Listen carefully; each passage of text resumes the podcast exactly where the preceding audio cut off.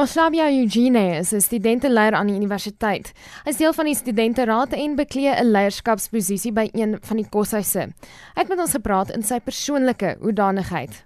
What happened in the morning is that we've just seen our counterpart. They are claiming particularly because they've seen information on the public domain that the university now is offering some bogus certificates. We have said to them that, uh, look, what if now this information is just a mere propaganda, which it, its real intention is to jeopardize the credibility and the image of the university?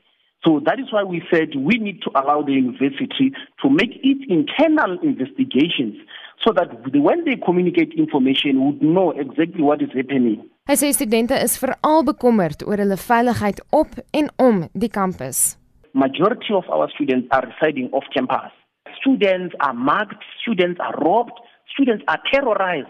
We have ushered in variety of campaigns and talk shows where we engage our students to say, look, these are some of the measures which you can use for you to be safe.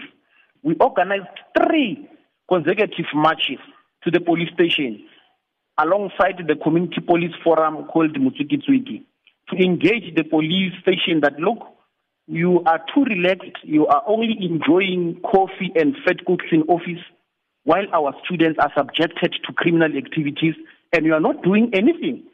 Volgens hom sukkel hulle om die nodige ondersteuning te kry. Hulle het die volgende eise.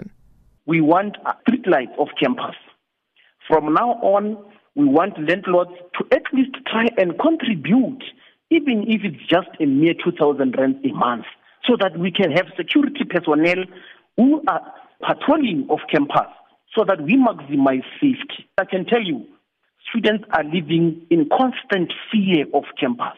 Dit was 'n studenteleier aan die Universiteit van Limpopo, Moslavia Eugene. Ons monitor die verwikkelinge. Ek is Marlene Verschiefer, SAK nuus.